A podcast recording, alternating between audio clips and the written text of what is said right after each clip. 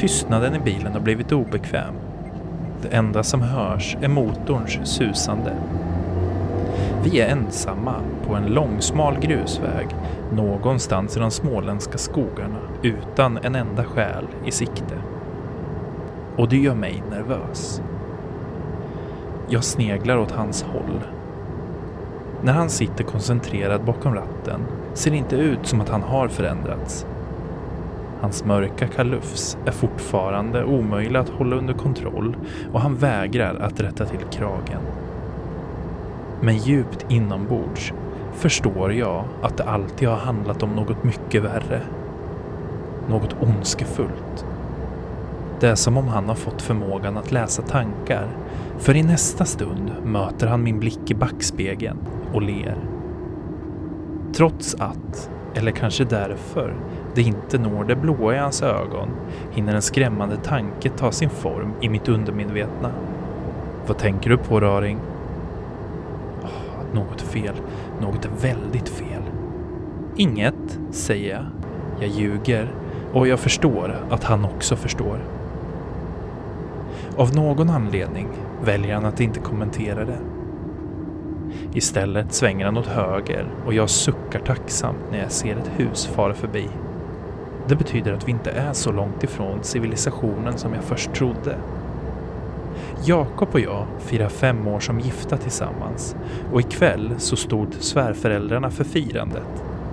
De hade bjudit in både hans och mina syskon, tagit fram det finaste bubblet och mängder av mat.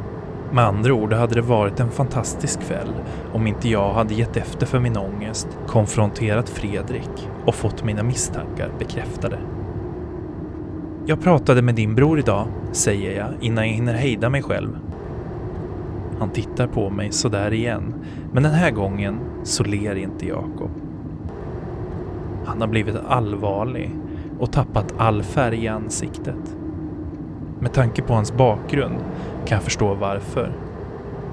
Det är säkert ingen rolig upplevelse att bli attackerad av ett vargliknande odjur med sylvassa klor, röda ögon och tänder som lätt hade kunnat tära en vuxen människa i köttslamsor. Märta, viskar Jakob och harklar, som om han har svårt att hitta orden.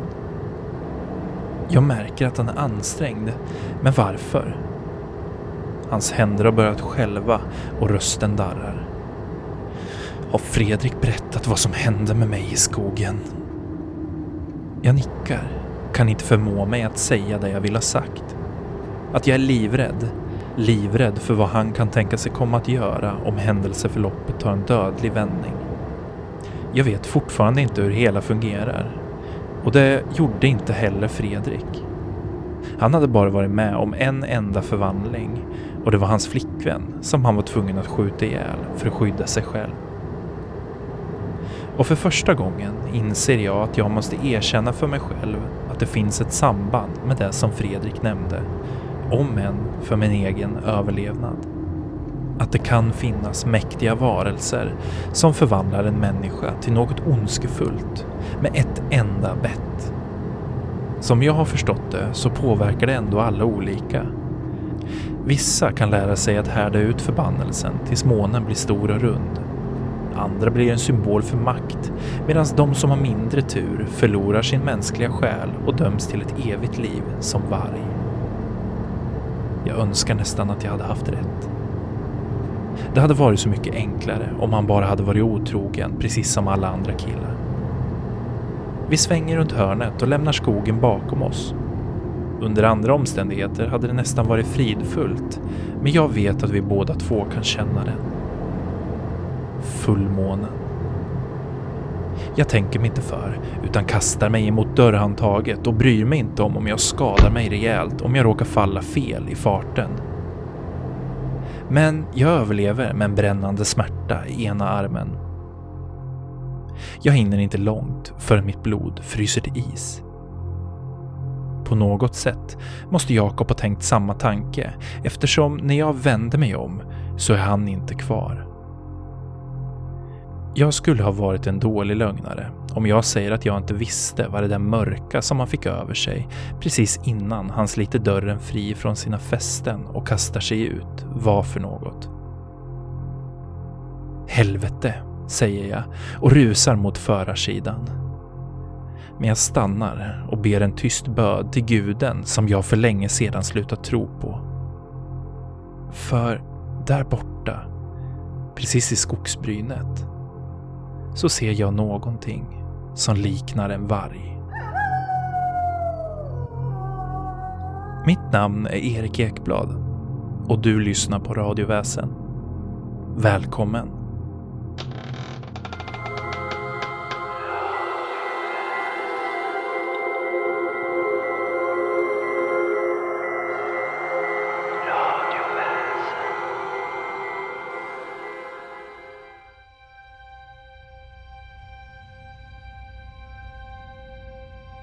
Den ni inledningsvis hörde var novellen Vargen av Alexander Nilsson.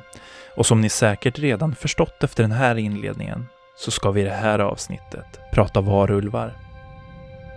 Denna håriga och mytomspunna varelse som genom alla tider har bringat sådan fruktan till folk och fä. Arv, magi, förbannelse eller helt enkelt frivillighet det är så som det beskrivs i vår folktro att man kan förvandlas till en varulv. Exakt vilken skepnad man antar då man förvandlar sig råder det dock meningsskiljaktigheter om. I vissa fall så beskrivs varulven som en något större varg, medan i andra sammanhang talar man mer om en hybrid, det vill säga hälften människa och hälften varg, där händer och fötter är mer hårbeklädda än våra mänskliga, medan huvudet och framförallt tänderna är helt och hållet en vargs.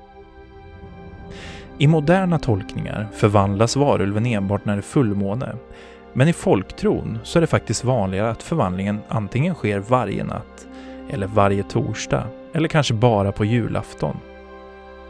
I tysk folktro däremot så talar man istället om ett varulvsbälte. När det här tas på så sker förvandlingen och när man tar av det så återgår man till att bli människa. Fullmånens betydelse till förvandlingen är därför högst oviss, även om den såklart sprider en viss känsla över det hela. Det som är gemensamt i de flesta sammanhang är dock att i samband med förvandlingen så beskrivs de djuriska instinkterna helt ta över och det är inte möjligt längre att skilja vän ifrån fiende, utan allt är bara en enda bit kött. Just namnet varulv kommer ifrån västgermanska språkområdet, varulf, och i Sverige började faktiskt ordet varulv förekomma i skrifter under 1700-talet, medan ordet faktiskt har förekommit redan på 1000-talet i England såväl som Tyskland. Vi har tidigare pratat om häxor i radioväsen och det är faktiskt så att hundratals personer fick sätta livet till för att de blev anklagade för att ha dödat män, kvinnor, barn och kreatur i form av en varg eller varulv. Och de här personerna, de brändes på bål, precis som häxorna. Men de som är varulvar, kan de någonsin bli enbart en människa igen? Ja, det verkar faktiskt vara så när man läser i litteraturen.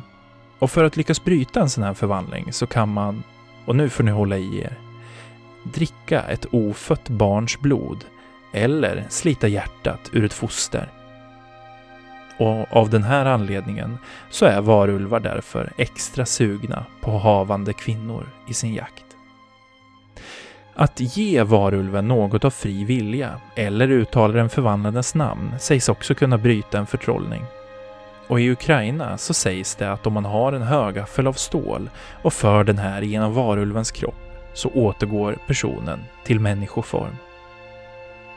Och det är faktiskt så att på många ställen går det att läsa att det är en stor fördel att ha en före detta varulv i grannskapet. Det är nämligen så att om du en gång har varit varulv så fortsätter du att prata varulvspråk. Om man nu skulle definitivt vilja sätta punkt för varulven och människans liv ska man istället sätta en silverkula i dess kropp. Både människan och det djur som man då är förvandlad till går om intet. Men nu, det ni kommer få höra är en exklusivt skriven novell av Peter Westberg. Peter debuterade ju under 2019 med sin debutroman Europa Pandemus som finns tillgänglig hos de stora bokhandlarna och även på Storytel. Och det är ju faktiskt så att ljudboken också är uppläst av en radioväsenvän, nämligen Emil Eriksson ifrån Monsterboxen. Om du vill läsa mer om Peter så finns det en länk till honom på mina sociala medier. Novellen han har skrivit i dagens avsnitt har fått namnet Wes. Håll till godo.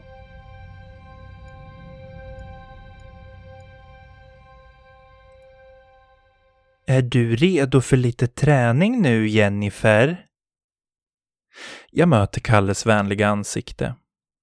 Som vanligt pratar han lite väl högt, artikulerar orden övertydligt och värst av allt, den förställda rösten. Han pratar till mig som om jag var ett litet barn. Jag är 30 år gammal, din jättebebis! Vill jag skrika åt honom så att han förstår att han kan prata till mig som till vilken vuxen människa som helst. Men det går såklart inte.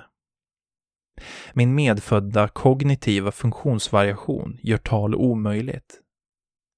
Men vem vet, i framtiden, när halva mänskligheten består av cybernetiska modifierade kroppar och hybrider, då kanske även jag kan förses med fungerande tal. Men jag ska inte vara för hård mot Kalle. Han är ny, har bara varit min assistent i några dagar. På andra sidan rullstolen går Chloe och jag ser hur hon himlar lite med ögonen. Hon har redan påtalat för Kalle att han inte ska prata bebisspråk med mig, men det har ännu inte sjunkit in. Situationen med assistans är allt annat än enkelt, främst när makthavarna drar ner på den med jämna mellanrum. Man anser helt enkelt inte att en grönsak som jag har rätt att kosta samhället pengar.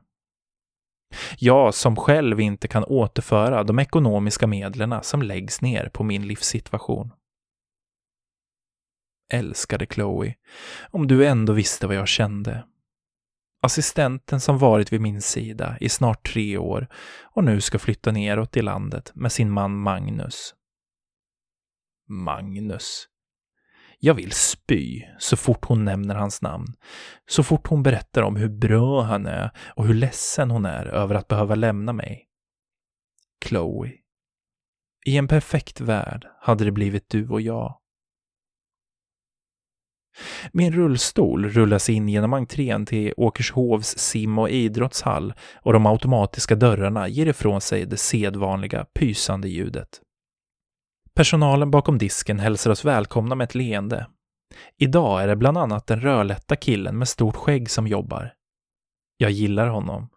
Han ser inte på mig med samma bakomliggande sorg, eller ibland till och med äckel, som många andra gör. Hans leende är genuint och jag känner mig verkligen välkommen, som om den här platsen verkligen inte bara är för de normalt störda. Nej, jävlar, jag är allt också välkommen här. Jag, mina funktionsvariationer, min rullstol och min assistans.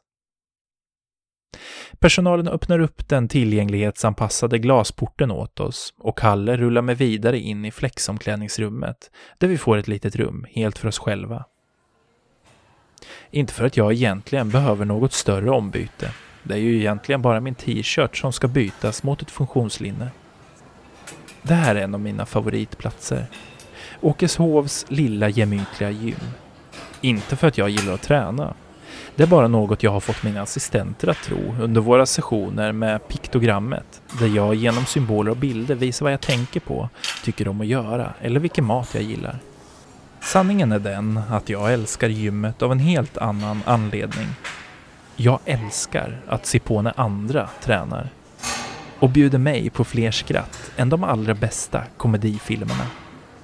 Jag älskar att se på medan de osäkra nybörjarna provar på maskiner som de inte bemästrar eller Donald Trump-kopian som glider in på gymmet vid exakt samma tidpunkt varje dag och oblygt låter blicken smeka kroppar tillhörande unga tjejer som besöker platsen. Den personliga favoriten är dock muskelbyggaren han, vars vener i pannan ser ut att vilja explodera, samtidigt som det åtsittande linnet riskerar att slitas sönder under kraften av hans skälvande bröstmuskler vid varje set med de överdimensionerade hantlarna som alltid ackompanjeras med överdrivet stön. Jag hade utan problem kunnat tillbringa timmar här varje dag enbart för att få skratt åt den oavsiktliga komik som skapas mellan dessa glasväggar. Nu kör vi så att svetten lackar! ryter Kalle vid min sida så pass högt att om jag hade kunnat hade jag slängt mig i rullstolen för att söka skydd bakom närmsta maskin. Som vanligt följer nu några tafatta försök vid exempelvis den där längdskidsåkarmaskinen. De drar ner handtagen och låter mig greppa dem. Och nu då, tänker jag i vanlig ordning när jag sitter där och håller i dem, oförmögen att göra mycket mer.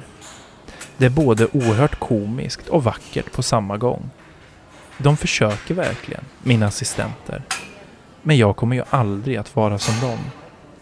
Jag kommer aldrig stå här i gymmet på egna ben, svettandes och stönandes med en puls på 180. Jag är fast i min jävla rullstol. Fast med assistenter som kör mig runt dagarna i ända. En grönsak har jag fått höra mer än en gång från förbipasserande. Någon samhället slösar resurser på. När ska jag kunna åtgälda det? Uppfinna en maskin som kan läsa tankar och ta tillvara på dem. Skapa välbehövda saker utifrån dess kraft. Då skulle man kunna tjäna miljoners, miljarder på min fantastiska hjärna, det lovar jag. Något stör min tanke. Ett plötsligt, högt ljud. Det här rör ifrån det inre hörnet med fria vikter. Och jag får syn på en väldigt hårig kar vars ansikte får mig att tänka på skådespelaren Wes Study. Ni vet, indianen som spelar, just det, indian i varenda modern western. Han har slängt, eller tappat, sina vikter på golvet och därefter fallit ihop på knä. Han sitter med ansiktet vänt mot taket och munnen vidöppen i ett tyst skri. Redan på håll tycker jag mig se att hans tänder inte är normala. De är onormalt långa, spetsiga. I ögonvrån märker jag dock att varken de övriga gymbesökarna eller mina assistenter, Chloe den vackre och Kalle den bebispratande, har lagt märke till honom. Höga ljud av tappade vikter är trots allt vanligt förekommande på gym. Mannen verkar spänd i hela sin kropp jag ser hur blodådror dansar över hans tränade armar likt ormar som kryper i en sanddyn. Svettpärlor tränger ut ur hans kropp, men även något annat. Jag spänner blicken, fokuserar. Är det små svarta hårstrån som tränger ut? Nej, såklart inte. Jag skakar bort tanken. OS-kopian har helt enkelt överskattat sin styrka och drabbats av muskelkrampen från helvetet. Jag stirrar på karn ett tag till och till slut reser han sig mödosamt upp och ser sig om med vild och förvirrad blick som om han letar vittnen. Blicken far över gymlokalen och låser sig fast i min. Det är något med blicken. Den ser inte normal ut. Något glimmar till vet inte. Kanske något djuriskt. Han viker dock ifrån min blick. Ser väl precis det gemene man brukar när de får syn på mig. En handikappad stackars jävel. Han slår knogarna i träningsgolvet och reser sig sedan. För ett ögonblick ser det ut som om hans fysik förändrats. Som om det mest naturliga vore för honom att gå på alla fyra. Men så reser han sig i ögonvrån ser jag hur assistenterna och övriga gymgäster fortfarande inte lyckas snappa upp det märkliga i mannens beteende. Kalle och Chloe är fullt upptagna med att diskutera något kring den lunch jag ska inta efter besöket på Åkeshov. Mannen rör sig ryckigt mellan benböjsmaskinen och den fyrdelade stationen.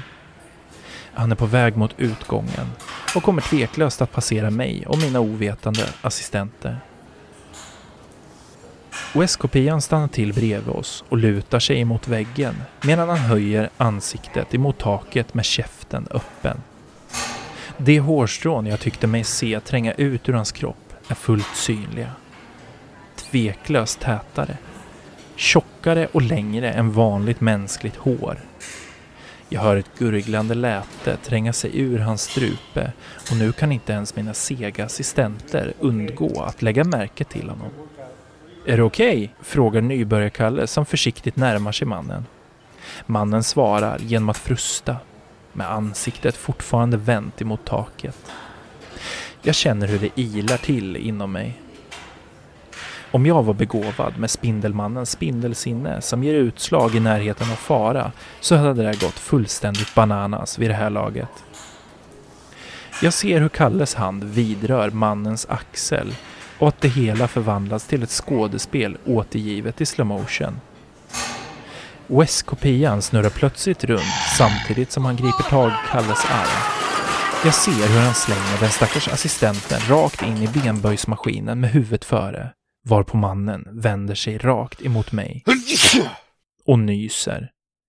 Eller, ursäkta, nyser är för snällt. Det är som om hans näsborrar vidgas och skvätter ur starka strålar som ur ett vattengevär.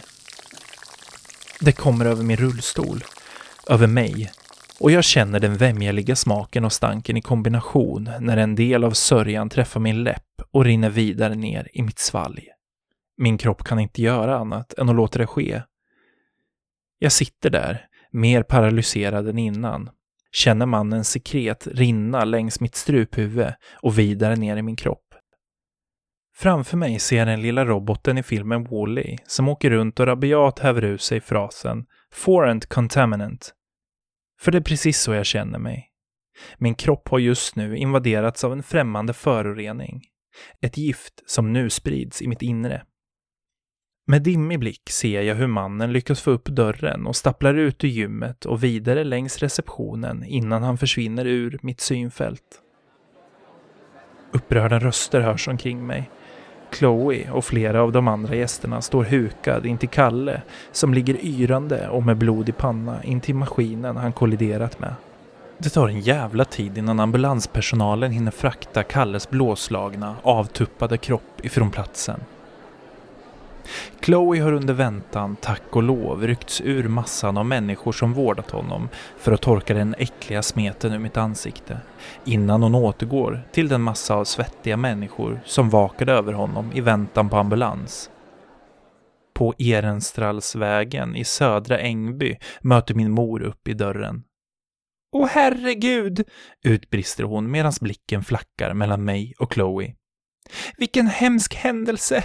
En sån tur att ingen annan skadade sig. Men stackars Kalle!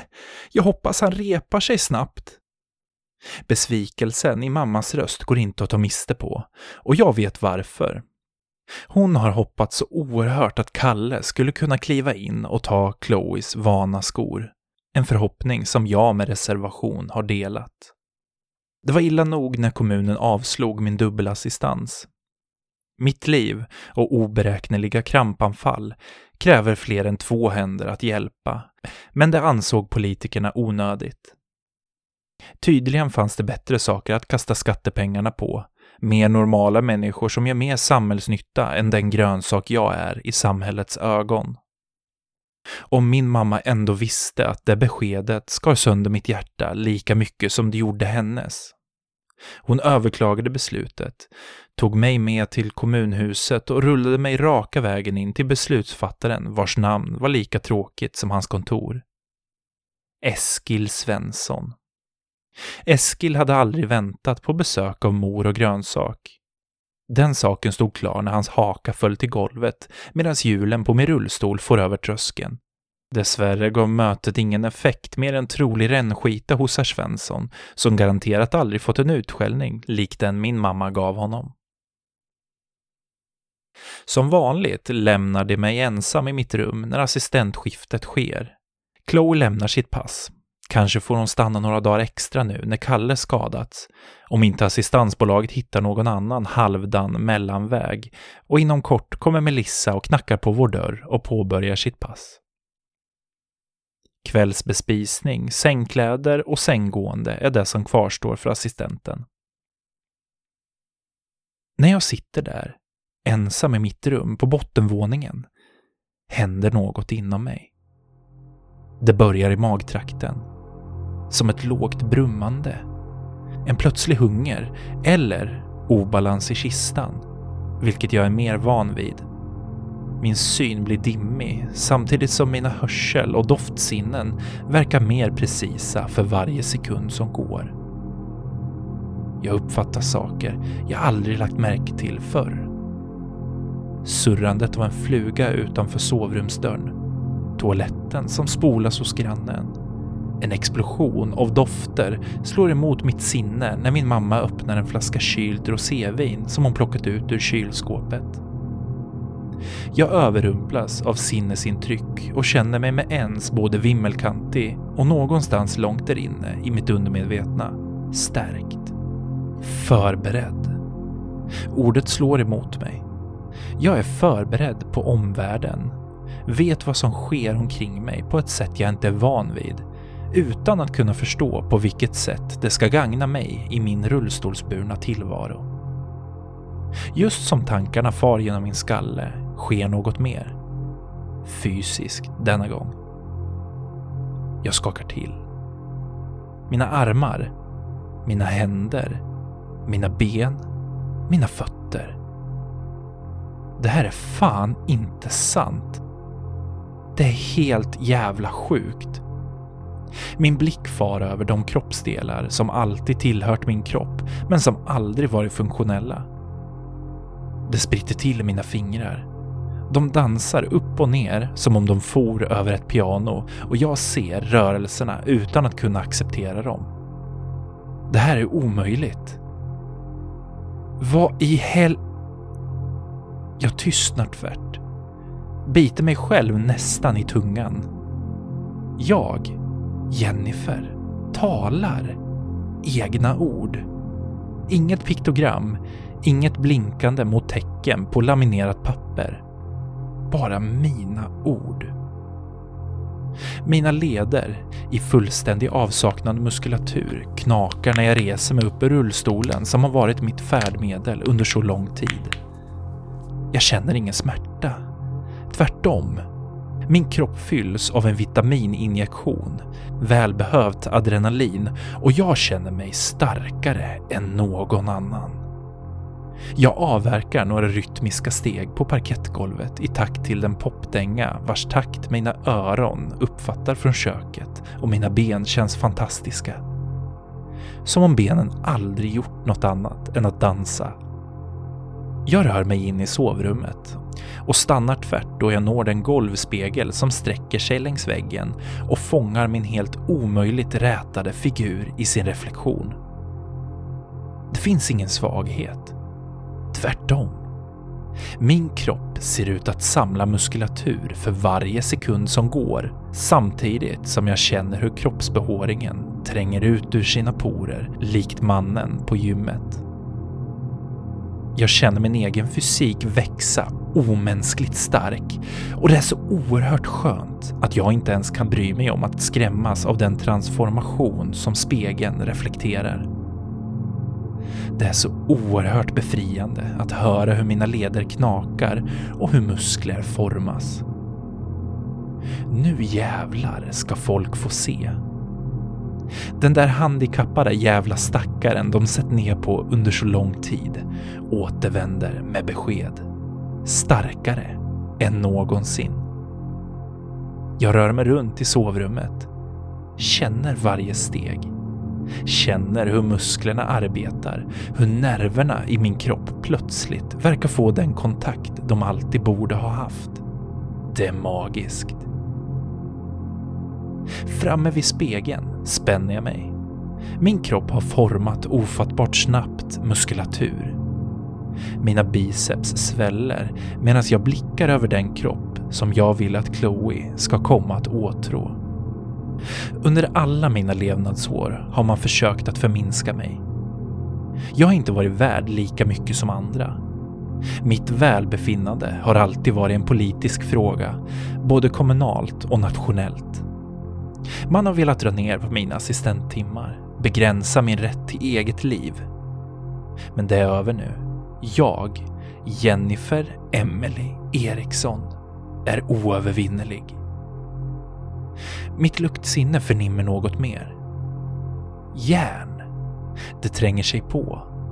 Inte bara luktsinnet märker jag, utan även spår i det nu förstärkta synfältet. Små lysande ormar verkar bli synliga som om jag plötsligt försätts med röntgensyn. Ormarna slingrar sig längs skuggande former, människokroppar, blodådror. Ordet ekar dovt inom mig. Jag ser deras ådror, ser hur blodet forsar genom deras vener. Min mor, mina assistenter, till och med grannen. Med ens känner jag ett sug i magtrakten. En hunger. Föda. Ordet dyker upp och jag vacklar till i sovrummet. Känner rullstolens metallram skramla till bakom mig när jag slår i den. Det är inte jag som tänker det, men det finns ändå där. Så självklart. Jag behöver föda. Min kropp, mitt inre, skriker efter den som om den vandrat svältfödd i veckor. En välbekant doft, nu förstärkt till tusen, slår emot mitt luktsinne. Det är mamma som närmar sig. Jag sätter mig till rätta i rullstolen och slänger pläden över axlarna för att skyla min nya fysik. Jennifer! Mamma öppnar dörren och ser på mig med samma blick av vanmakt som vanligt. Den där blicken som säger att hon har fött mig in i en värld där jag inte hör hemma. En värld där ingen förstår mig. Och just nu förstår jag den känslan mer än någonsin. Det är dags att äta innan du sover. Melissa sjukanmälde sig. Igen. Jag får mata och natta dig. Mamma blickar ner på den bricka hon har i händerna, innehållandes ett vattenglas med sugrör och en tallrik med den sedvanliga kombinationen ris, kyckling, gurka, avokado, tomater, mozzarella och oliver. En känsla av illamående far över mig när jag ser den överfulla tallriken vars innehåll ska skedas in i min mun. Så långt ifrån vad mina nyutvecklade smaklökar vill ha. Blod. Återigen gör sig mitt förstärkta sinne påmint. Slita sönder ådrorna. Fästa på köttet. Rösten fortsätter mala inom mig och även om jag vet hur fel det är så måste jag medge att det faktiskt frestar. En plötslig blodtörst har väckts inom mig. En törst som måste släckas av skyldigt blod. Åtminstone är det vad intrånget i mina tankar säger. Kräv blodsoffer. En första sked närmar sig min mun och instinktivt flyger min vänsterarm upp och slår bort den ur mammas hand med en sån kraft att den skickas vidare som en projektil mot väggen medan mamma stapplar bakåt, chockad och uppenbart skrämd. Je Jen Jennifer? Mammas röst skälver. Jag ser hur hon kämpar för att få fram orden samtidigt som hon håller en avvärjande hand framför sig som en köttslig barriär mellan oss medan jag reser mig upp ur den rullstol som min kropp inte längre behöver. Mamma faller bakåt, hamnar på knä och ser på mig med öppen mun. Du, du kan, kan gå! Får mamma ur sig till slut medan tårarna rinner längs hennes kinder. Jag kan inte tyda om det är tårar av glädje, rädsla eller båda delar. Ja, svarar jag kort och förvånas över min egen röst. Mörk, långt mörkare än jag fantiserat att jag skulle låta. Mer hinner jag inte säga innan min mamma, min stöttepelare, faller raklång bakåt, plötsligt avsvimmad. Kräv blodsoffer. Rösten ekar åter inom mig. Den nyvunna fysiken får mig att känna ett välbehövt lyckorus samtidigt som den inre, illavarslande rösten får lyckan att blandas sötsur med en stor dos av oro. Blodsoffer. Jag är ingen mördare. Eskil. Namnet flyter igenom kristallklart. Så pass att jag tror mina trumhinnor snappat upp det som uttalat trots att allt sker i mitt medvetna. Eskil Svensson. En adress, eller snarare en snitslad väg baserad på doftmönster, dyker upp. Målet, där beslutsfattaren själv bor, ligger endast några kilometer bort. Med en snabb manöver slänger jag förbi min mor som ligger invid dörrposten och fortsätter ner längs trappan som om min kropp skapats för akrobatiska övningar. Friheten är brusande. Fantastisk. Jag stannar till vid hallspegeln och försöker vänja mig vid den nya fysiska uppenbarelsen som reflekteras. Den kropp som aldrig kunnat stå på egna ben. Kroppsbehåringen har vuxit sig tätare. Tandköttet verkar medan nya, starka tänder sakta börjar skjuta ut. Jag transformeras, förses med muskler och förutsättningar jag hittills bara kunnat drömma om samtidigt som mitt ansikte har förändrats till oigenkännlighet. Näsans struktur har förändrats. Mina öron har vuxit sig spetsiga. Mina nya anletsdrag för tankarna genast till en obehaglig korsning mellan ett vargliknande djur och en ork. Min kropp är både mänsklig och djurisk på samma gång. Det utannonserade blodsoffret känns ärligt talat sekundärt medan allt det här underbara sker. Vem kan värdesätta rörelsefrihet och normalitet? Tänk om detta är min nya, fullt fungerande kropp och dess första test. Jag har inte råd att gå miste om det. Prestera. Visa dig värdig. Det är vad den inre rösten säger mig. Väl utanför dörren verkar min kroppsmassa lösas upp. Jag rör mig mellan hus och växtlighet likt en tjock skugga. Ett rökmoln utan cancerogena partiklar. Ohörd och osynlig för den ovetande. En lätt sommarbris ger mig en extra skjuts på vägen mellan nymålad träfasad, renoverad snickarglädje och soliga tomter tröstande efter kärlek medan jag färdas längs Brommas pittoreska gator. Tusentals dofter och sinnesintryck, somliga välkända och andra ovälkomna och mindre angelägna, passerar revy medan min upplösta fysik smeker rikemansfasaderna i jakten på Eskil Svenssons boning. Minuter senare stannar jag upp.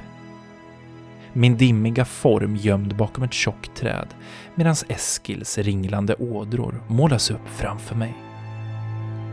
Värmesignalerna skjuter ut från hans övergödda kroppshydda och gör det omöjligt att missa den och dess slingrande, pulserande blodsådror. Det vattnas i munnen. Jag har svårt att hålla mig själv och hungern i styr. Eskil sitter obrydd i sin 200 kvadrats villa med en iPad tryckt ohälsosamt nära ansiktet. Netflix-loggan passerar revy just som han lägger paddan ifrån sig när ytterdörren slamrar till. Jag ler för mig själv när dörren öppnas och min rökformade uppenbarelse slinker ut ur ett mörker och vidare in i hallens dunkel utan att Eskil lägger märke till mig. Trots att jag passerar bara ett par decimeter ifrån honom så blir han stående med blicken svepande över den lilla grusgången som löper in till huset. Jävla snorvalpar, muttrar han och jag känner en frän stank av billig alkohol som ångar ur hans mun. Eskil slänger igen dörren och promenerar tillbaka till vardagsrummet medan jag följer efter direkt vid hans sida, min nuvarande formation slickandes längs de kala väggarna. Jag skyndar på. Hinner före Eskil och slänger mig framför honom just som han kliver in i det dovt upplysta vardagsrummet. Han bromsar tvärt och skriker till vid åsynen av det rökmoln som ligger och bolmar på golvet precis intill soffan. Vad i helvete? Orden lämnar hans läppar likt en nästan ohörbar alkoholdränkt gröt. Eskil står som paralyserad på det billiga klickgolvet och ser på när min nya muskulösa och djurliknande fysik återskapas av rökmolnet. Jag tornar upp mig framför den vid det här laget vettskrämda kommunalpolitikern. Jag känner själv hur sylvassa huggtänder tränger fram i käften. Det gör ont så in i helvete och får mig att skrika av smärta. När skriket lämnar mina läppar är det en vargs hesa ylande som ekar mellan väggarna i Ålstensvillan. En frän lukt tränger sig igenom mina vidgade näsborrar samtidigt som jag ser Eskil Svenssons pyjamasbyxor vätas av hans urin. Enligt samhällets normer är jag inte värdig samma livskvalitet som er normalstörda. Orden, så pass perfekt avmätta min hjärna, kommer ut som ett våldsamt gläfsande vilket får Eskil att fylla bakdelen av sina byxor med löst flytande nummer två. Han har inte rört sig fläcken, utan står fortfarande som förstelnad med uppspärrade ögon. Ta för dig, beordrar den allsmäktiga rösten inom mig. Fästa loss på den feta mannens mjukdelar. En, en varulv? Gnyr Eskil och utan vidare tvekan låter jag min säkerligen två meter resliga kropp ta ett par snabba steg emot honom. Min käft öppnas i ett onaturligt stort gap och jag känner smaken av Eskils blod när tänderna tränger igenom hans skinn. Mannen hinner inte ens utstöta ett rop på hjälp eller skrika av smärta innan mina vassa tandrader separerar huvudet ifrån hans kropp i en kaskad av blod. En storm av känslor inom mig. Jag känner livsglädje, upprymdhet och på samma gång äckel och rädsla medan hans skallben krossas i min väldiga käft. Hjärnan smakar utsökt och medan jag smaskar på den så rinner en blod av Egils minnesbilder genom mitt medvetna. Jag avverkar hans uppväxt, hans manchauvinistiska och kvinnohatande vuxna leverne, följt av tusentals exempel på varför Eskil Svensson förtjänar sitt öde. Allt inom loppet av sekunder. Det äckel jag tidigare känt övergår i förnöjsamhet. Denna måltid, denna före detta Homo sapiens, har sannerligen förtjänat att förtäras och upphöra att existera.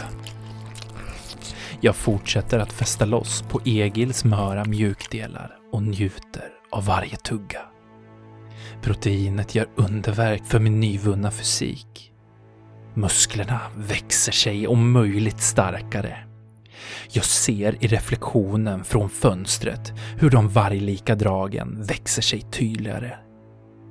Långt senare lämnar jag bostaden och dess hädangångna ägares kvarlever. Halvt lamslagen av den värsta form av matkoma ni kan tänka er vacklar jag hemåt i skydd av skuggorna. Det orättfärdigas kött smakar bäst förkunnar rösten inom mig som för att förmildra det groteska dådet. Jag är omskakad, men nöjd. Nöjd och sugen på mer.